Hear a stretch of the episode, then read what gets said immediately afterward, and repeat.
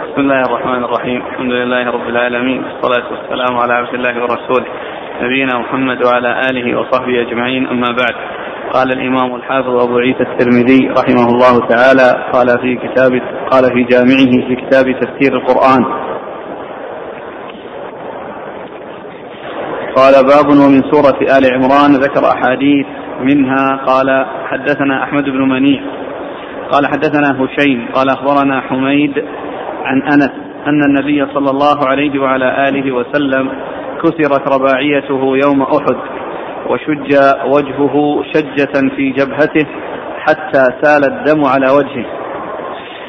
فقال كيف يفلح قوم فعلوا هذا بنبيهم وهو يدعوهم إلى الله فنزلت ليس لك من الأمر شيء ليس لك من الأمر شيء أو يتوب عليهم أو يعذبهم إلى آخرها. قال أبو عيسى هذا حديث حسن صحيح. بسم الله الرحمن الرحيم. الحمد لله رب العالمين وصلى الله وسلم وبارك على عبده ورسوله نبينا محمد وعلى آله وأصحابه أجمعين. أما بعد ف الامام أبو عيسى رحمه الله ذكر أحاديث تتعلق في سورة آل عمران وهذا الحديث من تلك الأحاديث وهو يتعلق بقول الله عز وجل ليس لك من شيء ويتوب عليهم ويعذبهم فإنهم ظالمون. وحديث أنس رضي الله عنه هذا يقول إن النبي صلى الله عليه وسلم لما كان في أحد كسرت رباعيته صلى الله عليه وسلم وهو أحد أسنانه وشج وجهه حتى لا حتى سال الدم من وجهه الشريف صلوات الله وسلامه وبركاته عليه فقال كيف يفلح قوم شجوا نبيهم وهو يدعوهم إلى وهو يدعوهم إلى الإسلام وهو يدعوهم إلى الحق والهدى صلوات الله وسلامه وبركاته عليه. والله عز وجل ابتلى يبتلي المؤمنين بالكافرين والكافرين بالمؤمنين. وهو سبحانه وتعالى قادر على نصر أوليائه وعلى إظهار دينه بدون أن يحصل من الرسول صلى الله عليه وسلم ومن غيره تعب ونصب ولكن الله تعالى شاء أن يبتلي هؤلاء بهؤلاء كما قال الله عز وجل ذلك ولا يشاء الله لانتصر منهم ولكن ليبلو بعضكم ببعض ذلك ولا يشاء الله لانتصر منهم فإن الله تعالى على كل شيء قدير ولكنه شاء أن يبتلي المؤمنين بالكافرين ليحصل هؤلاء الثواب والأجر وليصبروا ويحتسبوا وأولئك تقوم عليهم الحجة ويعذبون عندما يعذبون وقد أقيمت عليهم الحجة وامتنعوا وأبوا واستكبروا وعاندوا.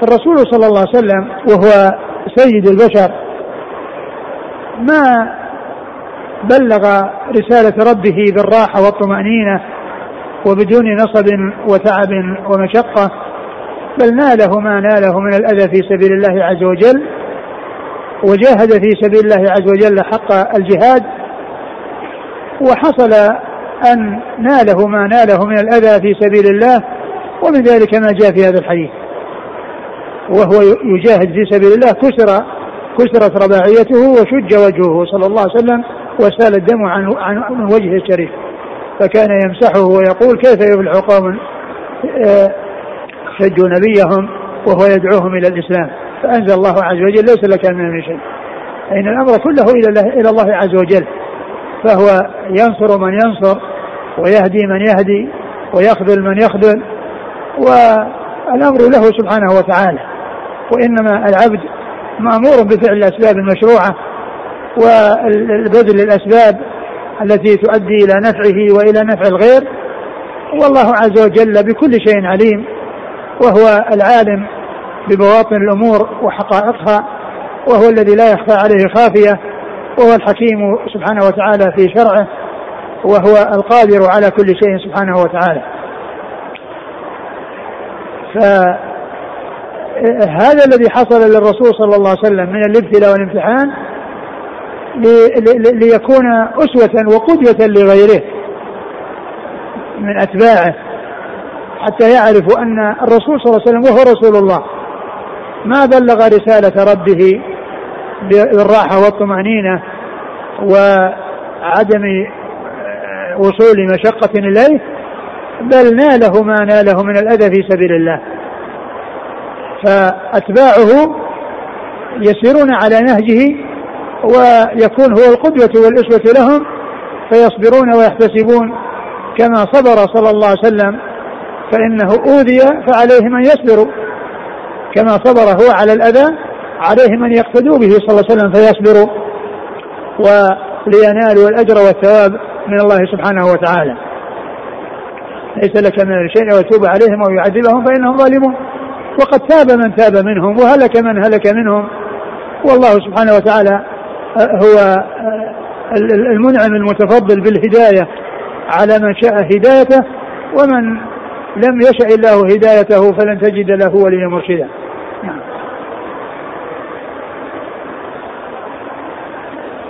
قال حدثنا أحمد بن منيع. هو ثقة اخرج له أصحاب كتب الستة. عن هشيم. هشيم بن بشير الواسطي ثقة. أخرج له أصحاب كتب السته عن حميد. حميد بن أبي حميد الطويل ثقة. أخرج له أصحاب كتب السته عن أنس رضي الله عنه خادم الرسول صلى الله عليه وسلم. وهذا الإسناد من الأسانيد الرباعية وهي من أعلى ما يكون عند الترمذي. قال كثرت رباعيته. رباعية. رباعية أحد الأسنان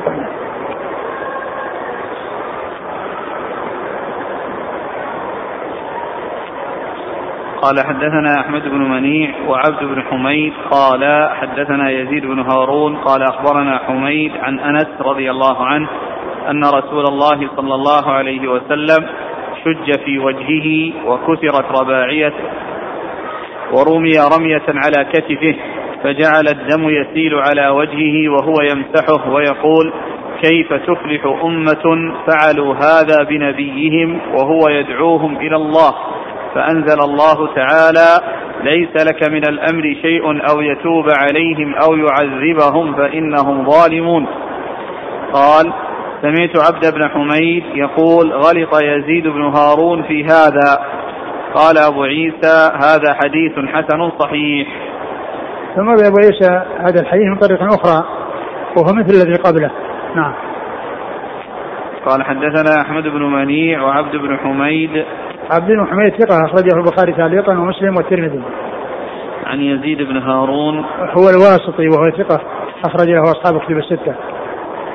ثم قال عبد بن حميد يقول غلط يزيد بن هارون في هذا. غلط يزيد بن هارون في هذا. ما أدري وش وجه الغلط. يقول الشارح والظاهر أنه غلط في قوله ورمي رمية على كتفه هكذا كان؟ نعم. يعني إنها ليست في, في الأول. نعم.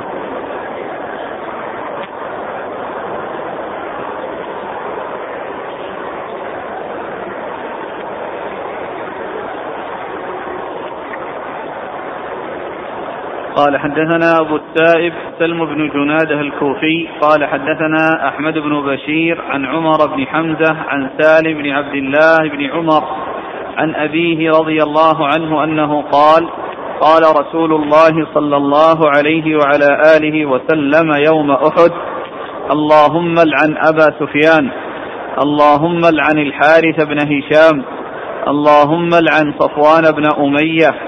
قال فنزلت ليس لك من الأمر شيء أو يتوب عليهم أو يعذبهم. فتاب الله عليهم فأسلموا فحسن إسلامهم. قال أبو عيسى هذا حديث حسن غريب.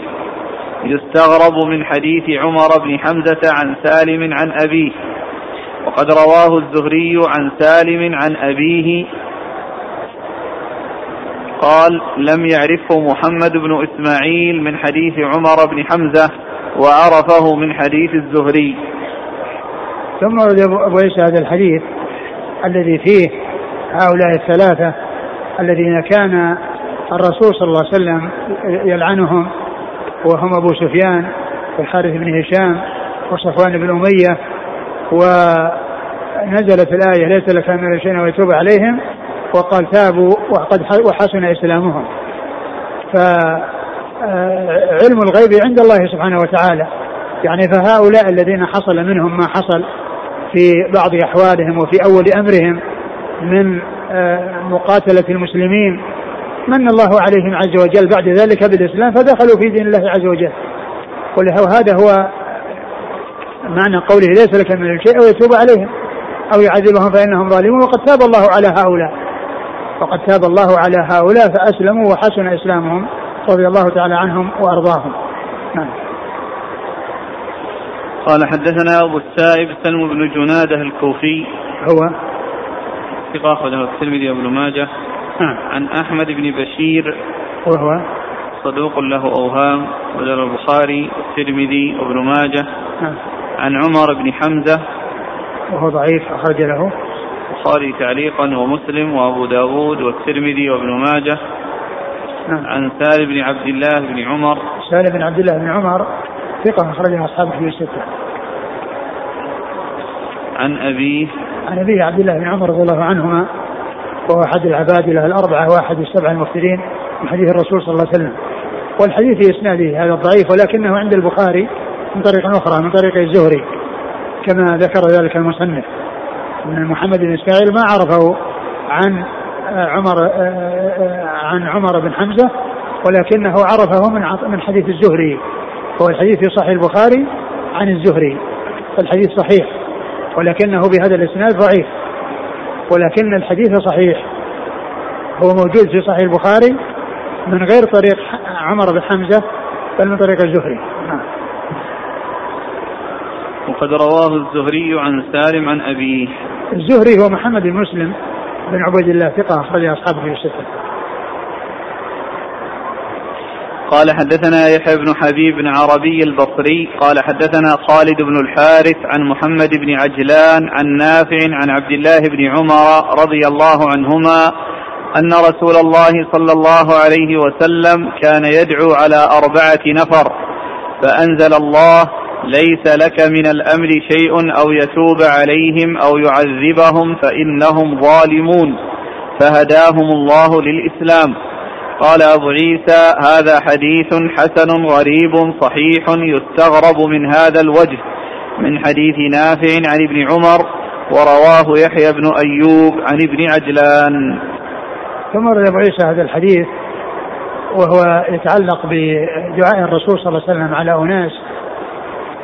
و وأن الله تعالى تاب على هؤلاء وأسلموا. وهذا مثل الذي قبله. نعم. أربعة. أربعة مرة ثلاثة. مرة ثلاثة الرابعة ما أدري ذكر الشارع شيء؟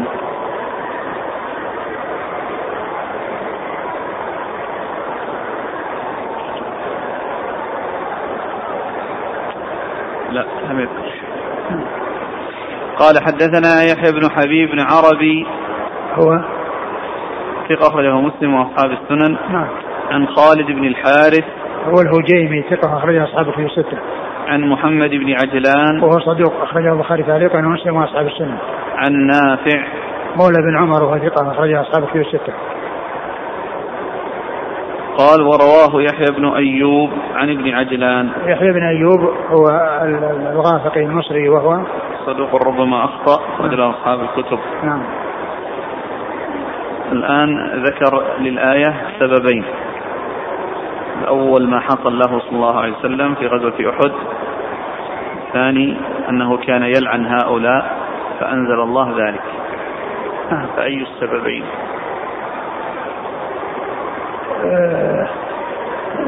لا تنافي بينهما لأن لأن هؤلاء كانوا مع الذين كانوا آه، مع الكفار فكان سمى يعني أناسا بأسمائهم وذكر أناس بغير أسمائهم. يمكن يقال لها تتعدد الأسباب. الله أعلم لكن ما فيه يعني مانع يمنع من كون إن القصة إنها حصلت يعني في وقت واحد لأن الآية نزلت يعني يعني هذه الآية نزلت ذكرت مع الجميع.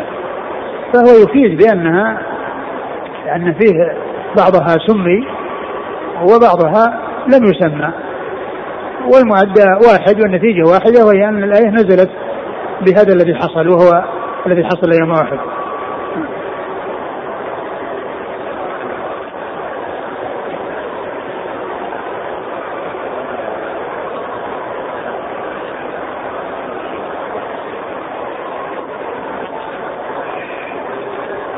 نعم. ولا شك أن أن الأمر كله لله عز وجل هو الذي خلق الخلق وهو الذي أمرهم بالعبادة وهو الذي وفق من وفق وهدى من هدى وأضل من أضل من يضلل له من يهدي له فلا مضل له ومن يضلل فلن تجد له له وليا مرشدا. نقرأ كلام الشارح في سبب النزول. وش يعني؟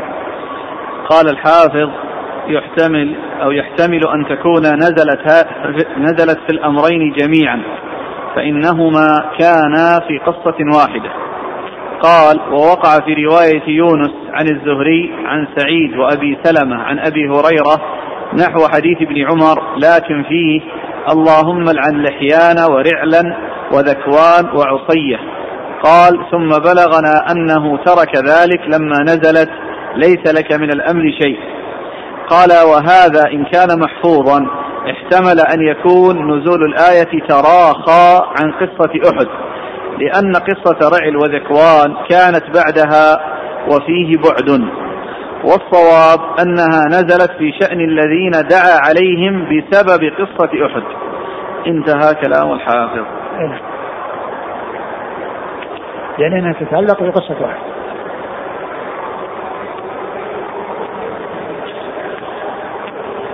يقول هل النهي في الآية عن اللعن لعن المعين أم النهي عن الدعاء على الكفار؟ الدعاء الكفار يدعى عليهم. أقول يدعى على الكفار لكن اللعن لا يلعن أحد بعينه لأن آه، أمر العاقبة والنهاية إلى الله عز وجل لأنه قد يكون الإنسان على حال سيئة ثم يختم له بحال حسنة. وقد يكون على حال حسنة ثم يختم له بحال سيئة والعياذ بالله.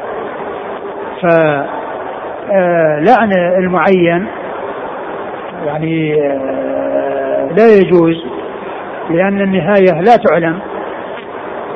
ولهذا كان بعض العلماء آه، يترك أو يتورع عن لعن الأشخاص المعينين من الكفار مثل ما كان ابن كثير رحمة الله عليه في كتابه البداية والنهاية ذكر لأحد النصارى قصيدة طويلة يذم فيها الرسول صلى الله عليه وسلم ودين الإسلام وأهل الإسلام ويمدح فيها النصارى ودين النصارى. فذكر ابن كثير هذه القصيدة ثم قال عقبها فعليه لعنة الله والملائكة والناس أجمعين إن كان مات كافرا. فعليه لعنة الله والملائكة والناس أجمعين إن كان مات كافرا. وكذلك ذكر في ترجمة أبو نصر الفارابي في البداية والنهاية أنه كان يقول أنه كان يقول بمعاد الأرواح دون معاد الأجساد. كان يقول بمعاد الأرواح دون معاد الأجساد.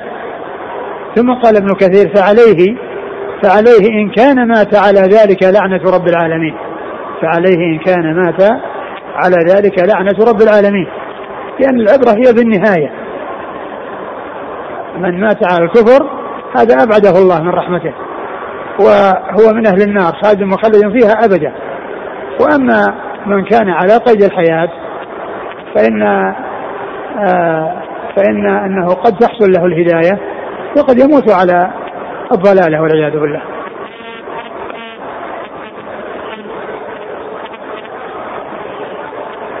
في ذكر الرابع جاءت إفادتان. واحدة أن في رواية البخاري أنه سهيل بن عمرو.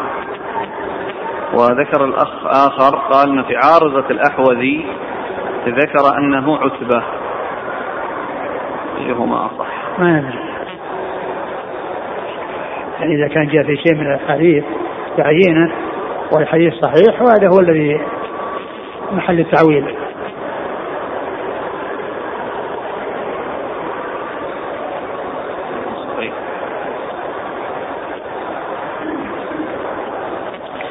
قال حدثنا قتيبة قال حدثنا أبو عوانة عن عثمان بن المغيرة عن علي بن ربيعة عن أسماء بن الحكم الفزاري.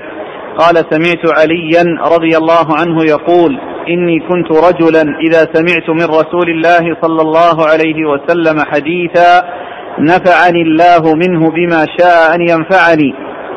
وإذا حدثني رجل من أصحابه استحلفته فإذا حلف لي صدقته. وإنه حدثني أبو بكر رضي الله عنه وصدق أبو بكر. قال سمعت رسول الله صلى الله عليه وعلى آله وسلم يقول ما من رجل يذنب ذنبا ثم يقوم فيتطهر ثم يصلي ثم يستغفر الله إلا غفر إلا غفر له. ثم قرأ هذه الآية والذين إذا فعلوا فاحشة أو ظلموا أنفسهم ذكروا الله. إلى آخر الآية قال أبو عيسى هذا حديث قد رواه شعبة وغير واحد عن عثمان بن المغيرة فرفعوه ورواه مسعر وسفيان عن عثمان بن المغيرة فلم يرفعاه وقد رواه بعضهم عن مسعر فأوقفه ورفعه بعضهم ورواه سفيان الثوري عن عثمان بن المغيرة فأوقفه ولا نعرف لأسماء بن الحكم حديثا إلا هذا. ثم أورد أبو عيسى هذا الحديث عن علي رضي الله عنه ويتعلق بقول الله عز وجل آه والذين إذا فعلوا فاحشة أو ظلموا ذكروا الله فاستغفروا لذنوبهم. فأورد هذا الحديث عن علي رضي الله عنه عن أبي بكر رضي الله عنه وفيه أن عليا رضي الله عنه يقول إنه كان إذا سمع من رسول الله صلى الله عليه وسلم حديثا نفع الله نفع الله نفعه الله تعالى به. وإذا سمعه من غيره استحلفه. يعني ليطمئن وليستوثق. وليس معنى ذلك ان أنهم لا يصدق بعضهم بعضا إلا باليمين. فإن الأحاديث الكثيرة يرويها بعضهم عن بعض بدون ذلك. ولكن يحصل أحيانا من بعضهم ما يدل على التوثق.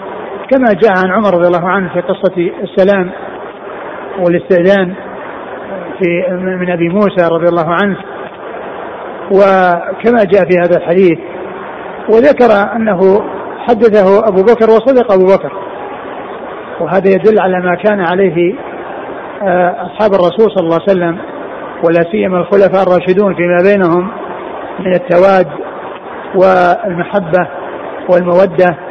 وثناء بعضهم وثناء بعضهم على بعض. فإنه عندما حدث عندما حدث علي رضي الله عنه ابي بكر قال وصدق أبو بكر. ثم ذكر هذا الحديث الذي يتعلق ب آه، كل إنسان عندما يحصل له ذنب يتوضأ ويصلي ركعتين ويستغفر الله عز وجل فإن الله تعالى يغفر له ويتجاوز له. وهذا الحديث هو من حديث أبي بكر رضي الله عنه وهو ثاني حديث في المسند وهو ثاني حديث في مسند الإمام أحمد. لأن الإمام أحمد بدأ بمسند أبي بكر وذكر أول حديث حديث الحديث المشهور يا أيها الذين آمنوا عليكم أنفسكم لا يضركم من ضل إذا اهتديتم. ثم ذكر الحديث الثاني هذا الذي يتعلق ب بصلاة ركعتين عندما يذنب الإنسان. فإنه يصلي ركعتين ويستغفر الله عز وجل نعم. قال حدثنا قتيبة قتيبة بن سعيد ثقة أخرج له أصحاب الكتب الستة. عن أبي عوانة الوضاح بن عبد الله اليشكري ثقة أخرج له أصحاب الكتب الستة. عن عثمان بن المغيرة وهو ثقة أخرج له البخاري وأصحاب السنن نعم عن علي بن ربيعة وهو ثقة أخرج أصحاب الكتب نعم عن أسماء بن الحكم وهو صدوق لأصحاب السنن. نعم. عن علي. علي رضي الله عنه أمير المؤمنين ورابع الخلفاء الراشدين الهادي المهديين صاحب المناقب الجمة والفضائل الكثيرة وحديثه عند أصحاب الكتب الستة. عن أبي بكر رضي الله عنه وهو عبد الله بن عثمان آه، خليفة رسول الله صلى الله عليه وسلم صاحب المناقب الجمة والفضائل الكثيرة وحديثه عند أصحاب الكتب الستة. قال قد رواه شعبة وغير واحد عن عثمان بن المغيرة فرفعوه. ذكر الاختلاف في رفعه ووقفه ومعلوم أن مثل ذلك يعني حتى على على على على وقفه وعدم رفعه أن هذا ليس من الأمور التي فيها مجال لأن هذا من الأمور التي يتوقف فيها على الوحي وليس على الرأي. نعم. ورواه مسعر مسعر هو بن كدان ثقة أخرج أصحاب في الستة وسفيان عن عثمان بن المغيرة فلم يرفعاه سفيان هو الثوري ثقة أخرج أصحاب في الستة إذا يؤخذ من هذا الحديث ما يسمى بصلاة التوبة. نعم يعني هذا ال ال ال يعني ليس صلاة الحاجة صلاة التوبة. نعم.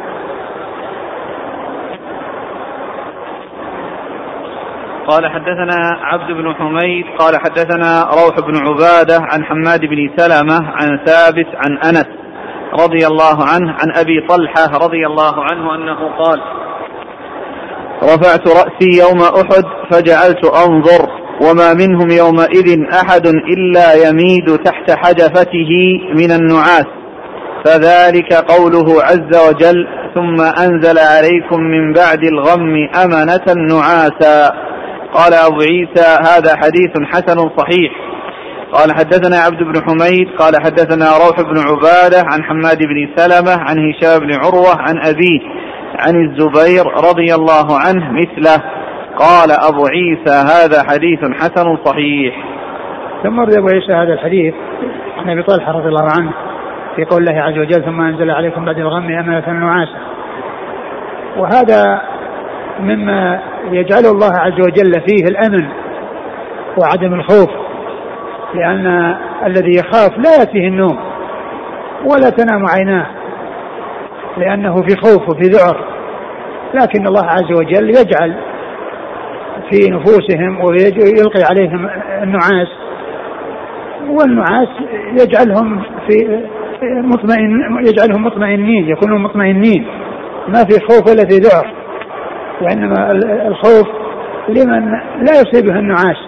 لكن كون الله يوقع عليهم النعاس فيعني هذا لراحة بالهم وطمأنينتهم وتثبيت الله عز وجل لهم. تثبيت الله عز وجل لهم بهذا الذي يلقيه عليهم. وأبو طلحة يحكي ما يعني شاهده من أصحاب رسول الله صلى الله عليه وسلم وما حصل لهم من آه، من مقتضى هذه الآية وهي كون الله عز وجل قوله يغشيكم يغشيكم النعاس أمنة منه. يعني أنه يحصل فيهم الأمن والاطمئنان وارتياح البال وعدم الخوف وعدم الذعر في هذه الشدة التي هم فيها. وهذا من تثبيت الله عز وجل لأوليائه أصحاب رسول الله صلوات الله وسلامه وبركاته عليهم ورضي الله تعالى عنهم وأرضاهم رفعت رأسي يوم أحد فجعلت أنظر وما منهم يومئذ أحد إلا يميد تحت حجفته. حجفته يعني الغطاء الذي على رأسه شوف إيش كان فيه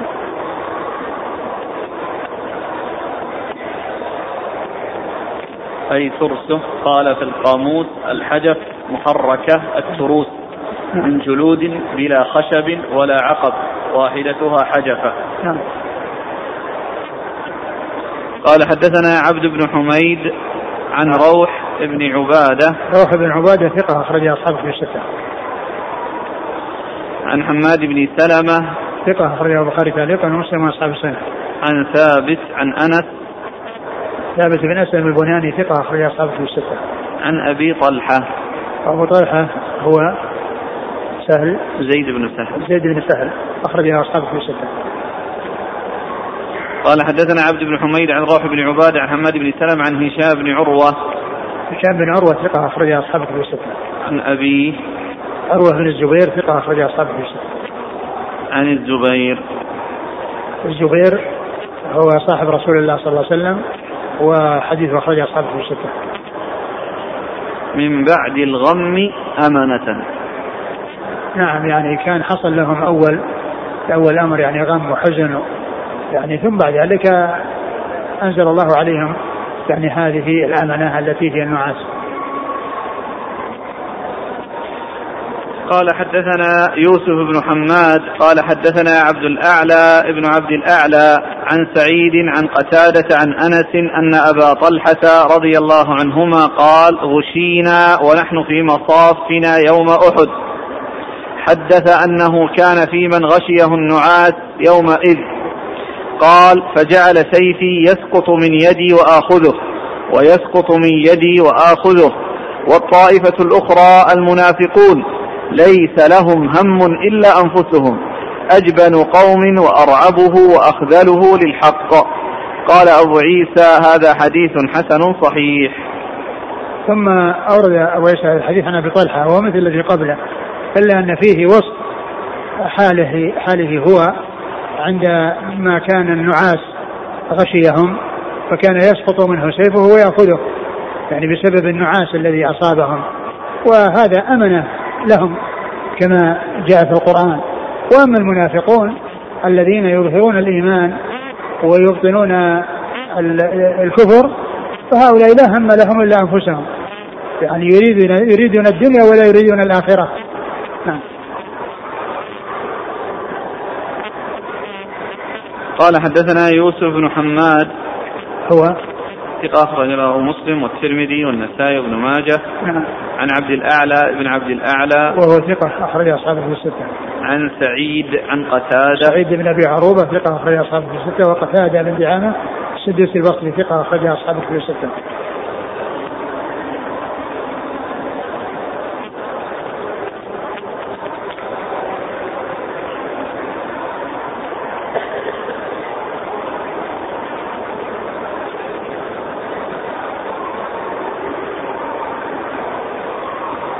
قال حدثنا قتيبة قال حدثنا عبد الواحد بن زياد عن خصيف قال حدثنا مقسم قال قال ابن عباس رضي الله عنهما نزلت هذه الآية ما كان لنبي أن يغل في قطيفة حمراء افتقدت يوم بدر فقال بعض الناس لعل رسول الله صلى الله عليه وعلى آله وسلم أخذها فأنزل الله ما كان لنبي أن يغل إلى آخر الآية.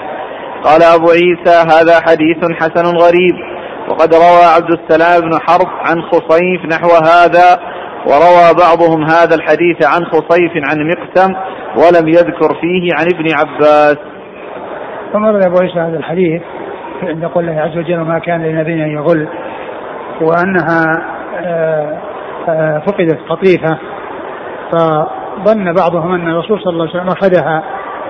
ولعل يعني هذا الأخذ أنهم تصوروا أنه أخذها للاصطفاء لأنه كان يصطفي ويأخذ يعني يعني ما يشاء عليه الصلاة والسلام.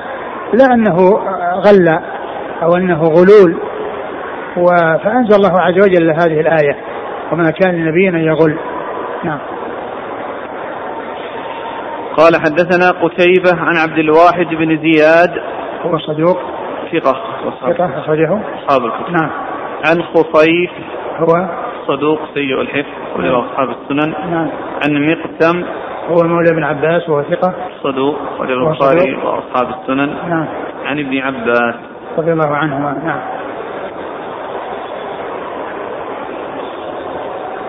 قال وقد روى عبد السلام بن حرب. هو؟ ثقة أخرجه أصحاب الكتب نعم. قال حدثنا يحيى بن حبيب بن عربي قال حدثنا موسى بن إبراهيم بن كثير الأنصاري قال سمعت طلحة بن خراش قال سمعت جابر بن جابر بن عبد الله رضي الله عنهما يقول لقيني رسول الله صلى الله عليه وعلى آله وسلم فقال لي يا جابر ما لي أراك منكسرا؟ قلت يا رسول الله استشهد أبي قتل يوم أحد. وترك عيالا ودينا. قال أفلا أبشرك بما لقي الله به أباك؟ قال قلت بلى يا رسول الله. قال ما كلم الله أحدا قط إلا من وراء حجاب وأحيا أباك فكلمه كفاحا. فقال يا عبدي تمن علي أعطك. قال يا رب تحييني فأقتل فيك ثانية.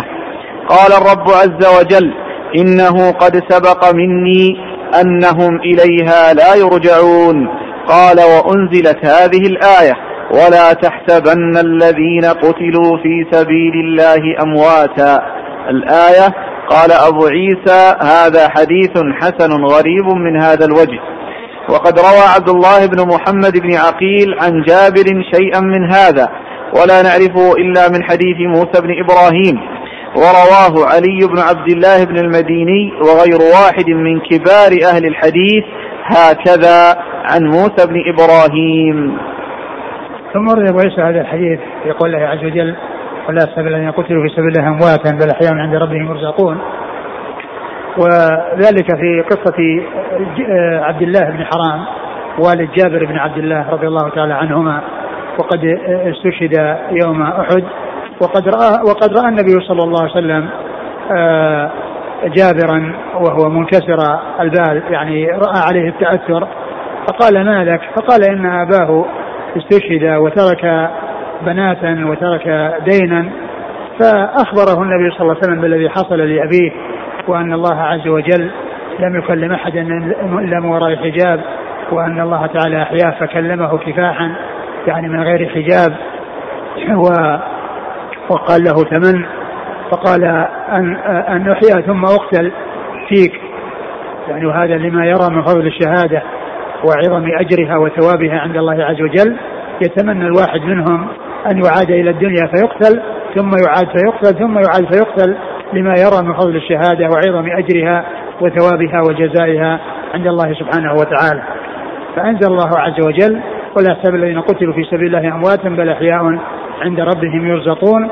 ومن المعلوم أن هذه حياة خاصة تختلف عن الحياة الدنيوية و وهي حياة لا يعلم كيفيتها إلا الله عز وجل ولكنها حياة في آه، كاملة وحياة آه، هي أحسن حياة وذلك أنهم ينعمون في البرزخ وقد جعل الله آه، أرواحهم في أجواف طير خضر ترتع في الجنة وتأوي إلى قناديل معلقة تحت العرش. ف وكذلك أيضا أصحاب القبور فإنهم يحيون بعد الموت وفيهم من هو في نعيم وفيهم من هو في جحيم وهم متفاوتون في الحياة. متفاوتون في الحياة. نعم. قال حدثنا يحيى بن حبيب عربي عن موسى بن إبراهيم بن كثير الأنصاري. وهو؟ صدوق يخطئ خرجه الترمذي والنسائي وابن ماجه. نعم. عن طلحة بن خراش وهو؟ صدوق خرجه الترمذي والنسائي وابن ماجه. نعم. عن جابر بن عبد الله. رضي الله عنهما وهو أحد المكثرين من حديث رسول الله صلى الله عليه وسلم. قال آه لقيني الرسول صلى الله عليه وسلم فقال يا جابر ما لي أراك منكسرا؟ قلت يا رسول الله استشهد أبي. يعني معناه متأثرا يعني رأى على وجهه التأثر. نعم. استشهد أبي. نعم. استشهد يعني يوم احد نعم. لكن إطلاق الشهادة أو هذا الفعل. هذا هذا أخبر بالذي قد حصل والرسول صلى الله عليه وسلم أخبر بأنه من أهل الشهادة لأنه أخبر أنه آه أن الله تعالى كلمه وأنه آه قال له تمن وأنه تمنى أن يعود فيقتل فيه. نعم. لكن لا يقال يعني كل أحد يقال إنه شهيد لأن من يقتل في سبيل الله الله تعالى أعلم بحاله لكن إذا جاء نص يعني يدل على آه، أن فلان شهيد أو أنه من أهل الجنة أو أنه آه، استشهد مثل ما جاء في آه، عبد الله بن حرام والد جابر فنعم يقال هو شهيد. وترك عيالا ودينا. ترك عيالا ترك بنات. وكنا يعني صغيرات. ولهذا تزوج رضي الله عنه مراعيا مصلحتهن ولم يراعي مصلحته لأنه تزوج واحدة كبيرة أكبر منهن حتى تقوم بشؤونهن. والرسول صلى الله عليه وسلم لما قال له لما تزوج قال إنه آه، آه، راعى مصلحة أخواته فأراد أن لا يأتي بواحدة صغيرة مثلهن. وإنما يأتي بواحدة أكبر منهن عندها خبرة وعندها يعني آه، حسن رعاية وقيام بشؤون هؤلاء البنات الصغيرات. نعم. وترك دينا. نعم. قال ما كلم الله أحدا قط إلا من وراء حجاب. نعم. كلم يعني يسمع كلامه ولا يراه. واما هو فقد رآه. ومعلوم أن هذه الرؤيا يعني حصلت بعد الموت. والرسول صلى الله عليه وسلم قال إنكم لن تروا ربكم حتى تموتوا أو إنه لن يرى احد ربه حتى يموت. الحديث رواه مسلم في صحيحه.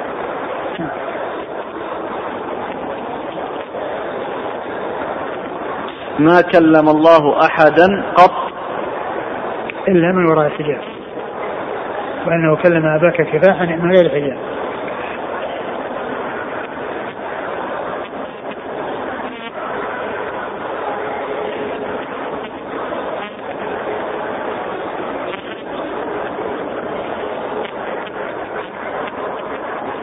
قال وقد روى عبد الله بن محمد بن عقيل عن جابر شيئا من هذا. وهو صدوق أخرج له. في حديثه لين قال البخاري المفرد وأبو داود والترمذي وابن ماجه. نعم. قال ورواه علي بن عبد الله بن المديني. وهو ثقة أخرجه البخاري و أبو داود والترمذي والنسائي وابن ماجه في التفسير.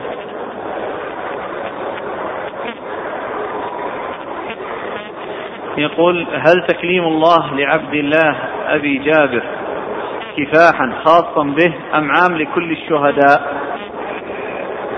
ما في شيء يدل على عموما لجميع الشهداء وقوله ما كلم أحد قط يعني يحمل على هذا والله أعلم على ما كان قبل ذلك.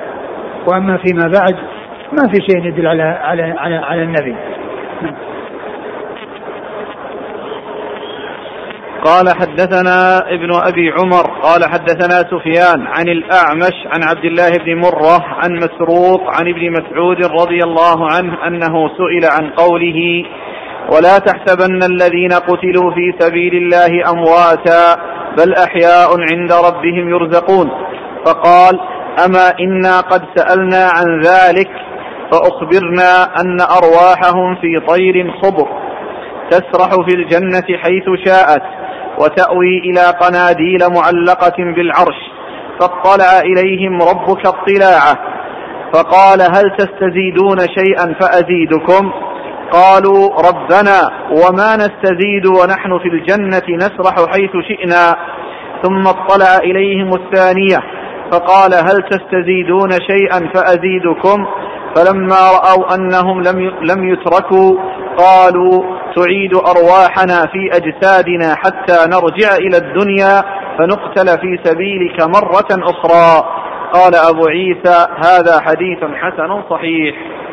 ثم ورد أبو, أبو, أبو, أبو عيسى حديث ابن مسعود رضي الله عنه. ومثل حديث جابر يعني في قصة أبيه وأن له قيل له تمن فقال أن أعود فأقتل. هؤلاء لما آه، جعل الله عز وجل أرواحهم في أجواف طير لأنهم آه، آه، بذلوا أرواحهم في سبيل الله فقتلوا في سبيل الله فعوض الله عز وجل أرواحهم بأن جعلها في أجواف طير خضر بدل من أجسامهم التي كانوا فيها في الدنيا فكانت هذه الأرواح في أجواف طير خضر عوضا عن أجسامهم. ومن المعلوم أن الأرواح تنعم والأجساد تنعم والنعيم يكون الروحي والجسد والروح لها اتصال بالبدن في الحياة البرزخية ولها مفارقة له. والله عز وجل أعلم بكيفية ذلك لأن هذه من أمور الغيب التي يجب التصديق بكل ما جاء دون أن آه، أن آه، يشتغل بقياس على على ما هو مشاهد وعلى ما هو معروف في أمور الدنيا بل الإنسان يصدق ويؤمن بما جاء في الغيب ولو لم يكن موافقا لما يألفه ولما يعرفه في الدنيا فإن الله عز وجل على كل شيء قدير. فهذه الأرواح آه، التي بذلوها في سبيل الله عوضوا عوضوا فجعلت في في في أجواف طير ترتع في الجنة وتأوي إلى قناديل معلقة تحت العرش. والله عز وجل اطلع عليهم وسألهم مزيدا مما هم عليه فقالوا آه إنهم ليس هناك شيء يطلبونه فلما أعيد عليهم الطلب ورأوا أنهم لم يتركوا دون أن يطلب منهم أن يبينوا ما يريدون سألوا مثل ما سأل والد جابر أن تعاد أرواحهم إلى أجسادهم ثم يعودون إلى الدنيا حتى يقتلوا فيه مرة أخرى. وذلك لما يرون من فضل الشهادة وعظيم أجر الشهادة عند الله سبحانه وتعالى.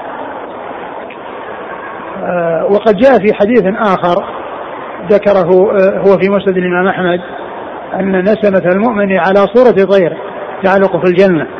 نسمة المؤمن على صورة طير تعلق بالجنة. وأما أرواح الشهداء ففي أجواف طير خضر كما جاء في هذا الحديث. وهذا الحديث الذي آه ذكرته ذكره أورده الإمام أحمد في مسنده وشيخه فيه الشافعي وشيخ الشافعي فيه مالك بن أنس فهو آه مسلسل بهؤلاء الثلاثة من الأئمة أصحاب المذاهب المشهورة. وقد قال ابن كثير عند تفسير هذه الآية أن هذا إسناد عزيز اجتمع فيه ثلاثة من الأئمة الأربعة أصحاب المذاهب المشهورة المعروفة من مذاهب أهل السنة نعم.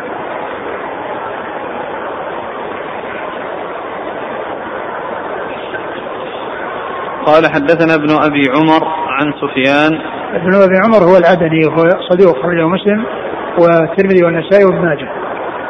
وسفيان هو بن عيينة المكي ثقة أخرج أصحابه في الستة. عن الأعمش. سليمان بن مهران الكاهلي الكوفي ثقة أخرج أصحابه في الستة.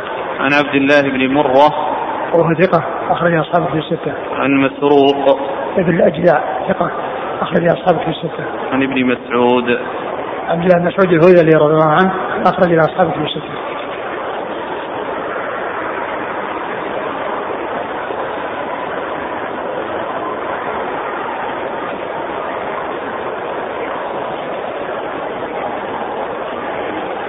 قال حدثنا ابن أبي عمر قال حدثنا سفيان عن عطاء بن السائب عن أبي عبيدة عن ابي عن ابن مسعود مثله وزاد فيه وتقرئ نبينا السلام وتخبره عنا أن قد أنا قد رضينا ورضي عنا. قال أبو عيسى هذا حديث حسن. ثم أبو عيسى هذا الحديث من طريق أخرى عن مسعود ولكن فيه علتان إحداهما الانقطاع بين أبي عبيدة ومسعود لأنه لم يسمع منه لم يسمع من أبيه والثانية عطاء بن السائب آه، اختلط وسفيان بن عيينة الراوي عنه؟ ليس من الذين سمعوا منه قبل الاختلاط. يعني ففيه علتان الانقطاع واختلاط عطاء بن السائب.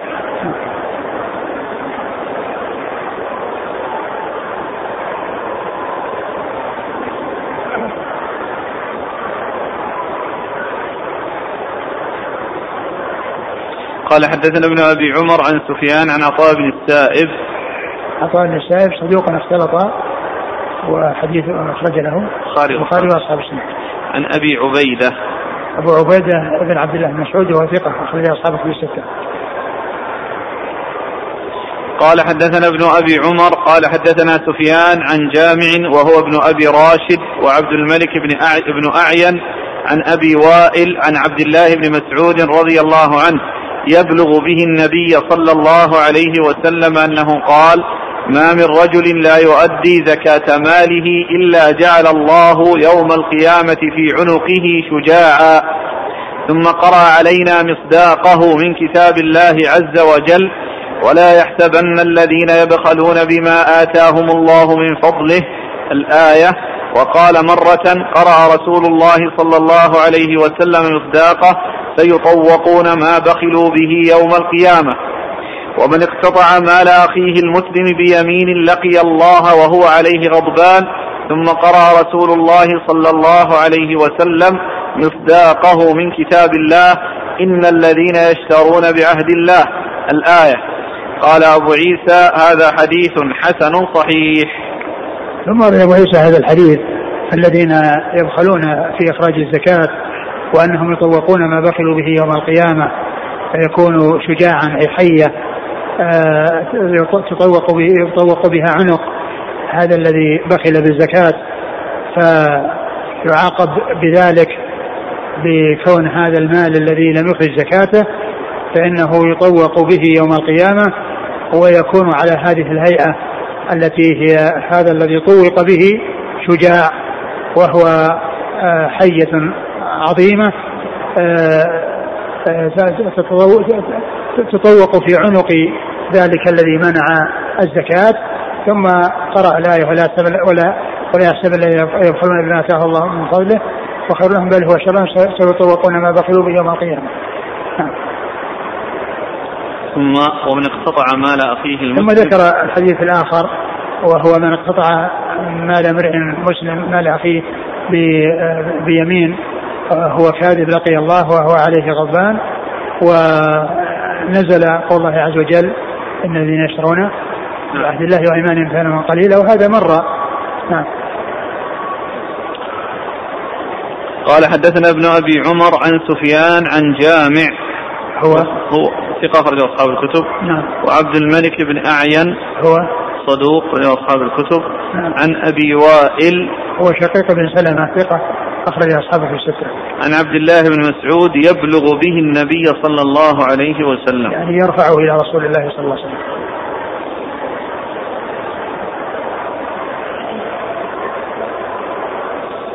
قال حدثنا عبد بن حميد قال حدثنا يزيد بن هارون وسعيد بن عامر عن محمد بن عمرو عن أبي سلمة عن أبي هريرة رضي الله عنه أنه قال قال رسول الله صلى الله عليه وعلى آله وسلم إن موضع سوط في الجنة لخير من الدنيا وما فيها. اقرأوا إن شئتم فمن زحزح عن النار وأدخل الجنة فقد فاز. وما الحياة الدنيا إلا متاع الغرور. قال أبو عيسى هذا حديث حسن صحيح. ثم رد أبو عيسى هذا الحديث. يتعلق بقول الله عز وجل فمن زحزح عن النار وأدخل الجنة فقد فاز وذلك في هذا الحديث عن أبي هريرة موضع صوت أحدهم في الجنة خير من الدنيا وما فيها. الدنيا على ما فيها من متع ولذات موضع صوت في الجنة خير من الدنيا. وهذا يدلنا على عظم شأن الجنة وما فيها من النعيم وعظم آه، خيرها ونعيمها آه، وعلى تفاهة الدنيا وحقارتها وأنها ليست بشيء بالنسبة للآخرة. ولهذا قال صلى الله عليه وسلم في الآخر لو كانت الدنيا تزن عند الله جناح بعوضة ما سقى منها كافر شربة ماء. لو كانت الدنيا تزن عند الله جناح بعوضة. ومما يبين عظم شأن نعيم الجنة ما جاء في صلاة الكسوف. الرسول صلى الله عليه وسلم لما رأى عناقيد العنب متدلية ومد يده ليأخذ عنقودا فترك ثم بعد ذلك أخبرهم صلى الله عليه وسلم بأنه مد يده للعناقيد وأراد أن يأخذ عنقودا وأنه ترك. قال عليه الصلاة والسلام لو أخذت منه لأكلتم ما بقيت الدنيا. لو أخذت منه لأكلتم ما بقيت الدنيا. عنقود واحد يكفي الناس إلى نهاية الدنيا. فقوله صلى الله عليه وسلم موضع صوت أحدكم الجنة خير من الدنيا وما فيها تدلنا على عظم شأن الجنة ونعيمها. وعلى تفاهة الدنيا وحقارتها وأنها ليست بشيء عند الله سبحانه وتعالى. نعم.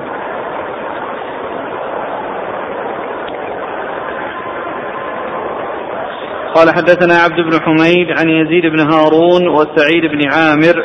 سعيد بن عامر هو؟ ثقة أخرج أصحاب الكتب. نعم. عن محمد بن عمرو. هو ابن علقمة بن وقاص الليثي صدوق أخرج أصحاب الكتب الستة. عن أبي سلمة. عن أبي سلمة بن عبد الرحمن بن عوف. وهو ثقة أخرج أصحاب الكتب الستة. عن أبي هريرة. نعم.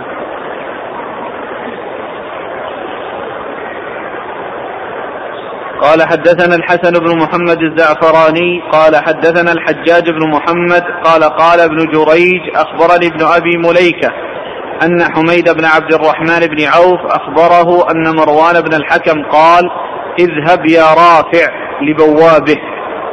إلى ابن عباس رضي الله عنهما فقل له لئن كان كل امرئ فرح بما أوتي وأحب أن يحمد بما لم يفعل معذبا لنعذبن أجمعون.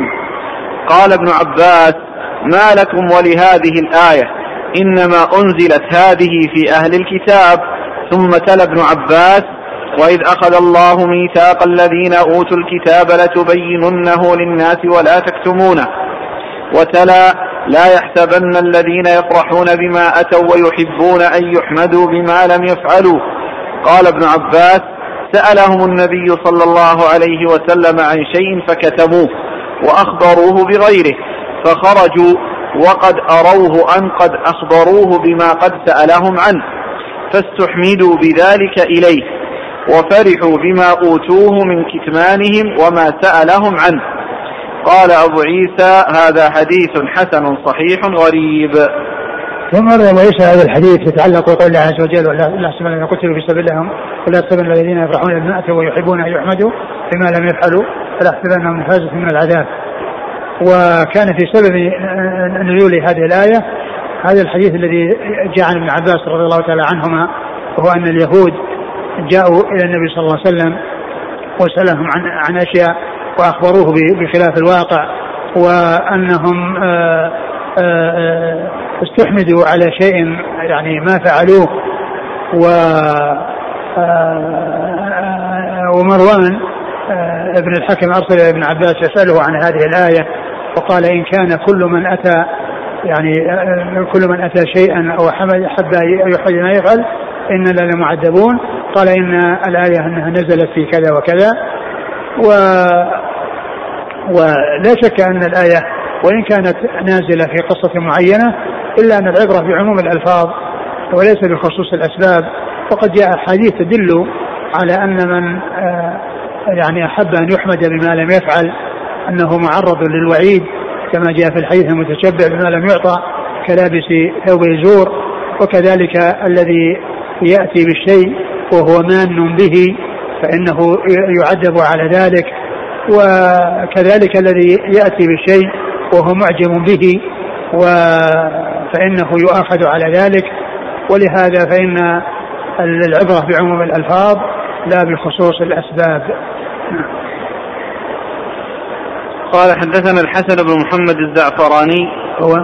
ثقة أخرج البخاري وأصحاب السنن. عن الحجاج بن محمد وهو المصيصي ثقة أخرج أصحاب في الستة. عن ابن جريج. عبد الملك بن عبد العزيز بن جريج ثقة أخرج أصحاب في الستة. عن ابن أبي مليكة. وهو ثقة أخرج أصحاب في الستة.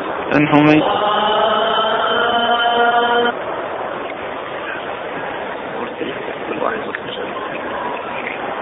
نعم. عن حميد بن عبد الرحمن بن عوف. حميد بن عبد الرحمن بن عوف ثقة أخرج أصحابه في الستة. عن مروان بن الحكم. مروان بن الحكم هو ليس هو الراوي ولكنه يعني يحكي أنه أرسل وأن بوابه رافع هو الذي ذهب إلى ابن عباس وأتى بهذا الخبر إذا أقرأ الحديث. قال أخبره أن مروان بن الحكم قال اذهب يا رافع أخبره إيه؟ أن أن مروان بن الحكم قال اذهب يا رافع لبوابه إلى ابن عباس فقل له. هو اللي- هو هو الذي نقل له الخبر. نعم. أخبره أن مروان. بن الحكم قال نعم. اذهب يا نعم. رافع يعني أخبره آه، أن مروان الحكم أخبره. أن مروان الرحمن. أخبره. يعني أخبر بن أبي مليكة. أيوه. أن مروان بن الحكم قال اذهب يا رافع لبوابه إلى ابن عباس فقل له. ما أدري هل هل يعني هو يرويه عن عبد الرحمن عن مروان وأنه فعل أو أنه كان حاضر ال- ال- الكلام وأن أنه أرسل رافع آه، إلى إلى إلى ابن عباس وجاء وأخبره بهذا الحديث فإن كان الرواية عن عن عن, عن مروان فمروان هو ابن الحكم وهو الخليفة وهو إيش قال في التقريب عنه؟ قال لا تثبت له صحبة وله البخاري وأصحاب السنن نعم. عن ابن عباس. عن ابن عباس رضي الله تعالى عنهما وهو أحد العبادله وأحد المكثرين من حديث رسول الله صلى الله عليه وسلم. بل قبله رافع بواب نعم. عن رافع. نعم. مقبول وله البخاري ومسلم والترمذي والنسائي. مقبول؟ نعم. نعم. البخاري ومسلم. والله تعالى أعلم. وصلى الله وسلم وبارك على نبينا ورسوله نبينا محمد وعلى آله وأصحابه أجمعين. وبعد هذا الدرس نتوقف عن التدريس إلى أول العام الدراسي إن شاء الله في شعبان والله سبحانه وتعالى والله تعالى نسأل التوفيق والتسديد لما تحمد عاقبته في الدنيا والآخرة.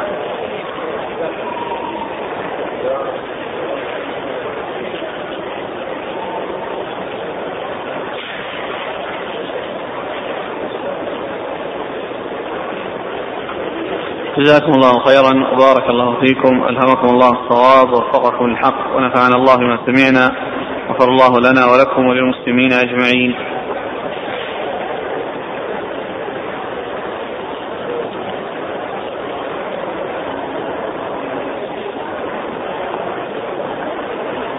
يقول من المعلوم أن الجزاء من جنس العمل فما وجه هذا العذاب لمن بخل في دفع الزكاة.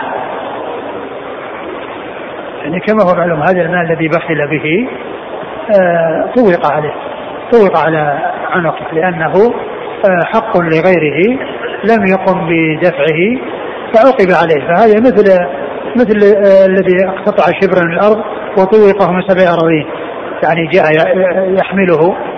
فهذا جعل على هذه الهيئة وهي أن يعاقب بهذا الشجاع. الذي هو حية غليظة آه، تطوق في عنقه.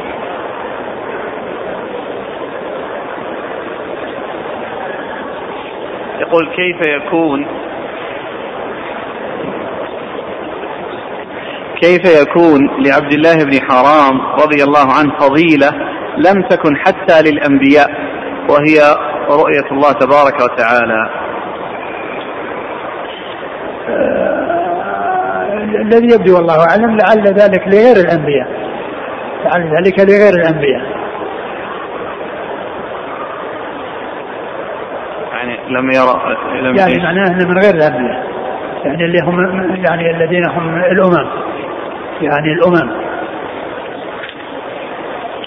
في قوله ما كلم الله أحدا قط.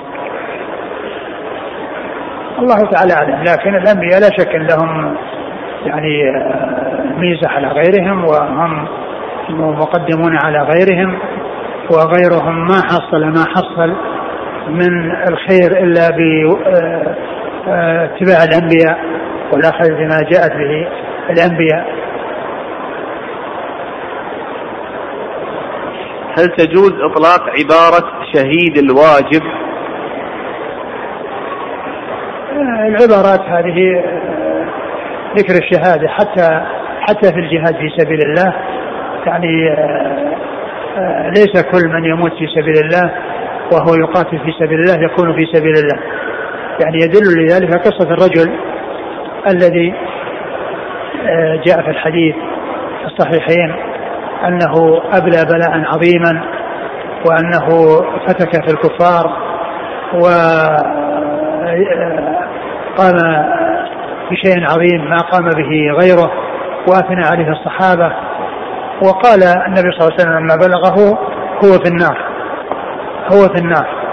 فقام أحد الصحابة يتابعه حتى يعرف نهايته فوجد أنه قتل نفسه بعد ذلك لأنه أصاب أصيب في يديه فجزع فوضع أصل السيف على الأرض ووضع يعني رأسه على على على صدره وتحامل عليه حتى قتل نفسه. فجاء وأخبر النبي صلى الله عليه وسلم. فهذا حصل منه ما حصل في سبيل الله وأبلى بلاء عظيم. ومع ذلك قال عنه الرسول صلى الله عليه وسلم إن الله لا يؤيد هذا الدين بالرجل الفاجر. إن الله لا يؤيد هذا الدين بالرجل الفاجر.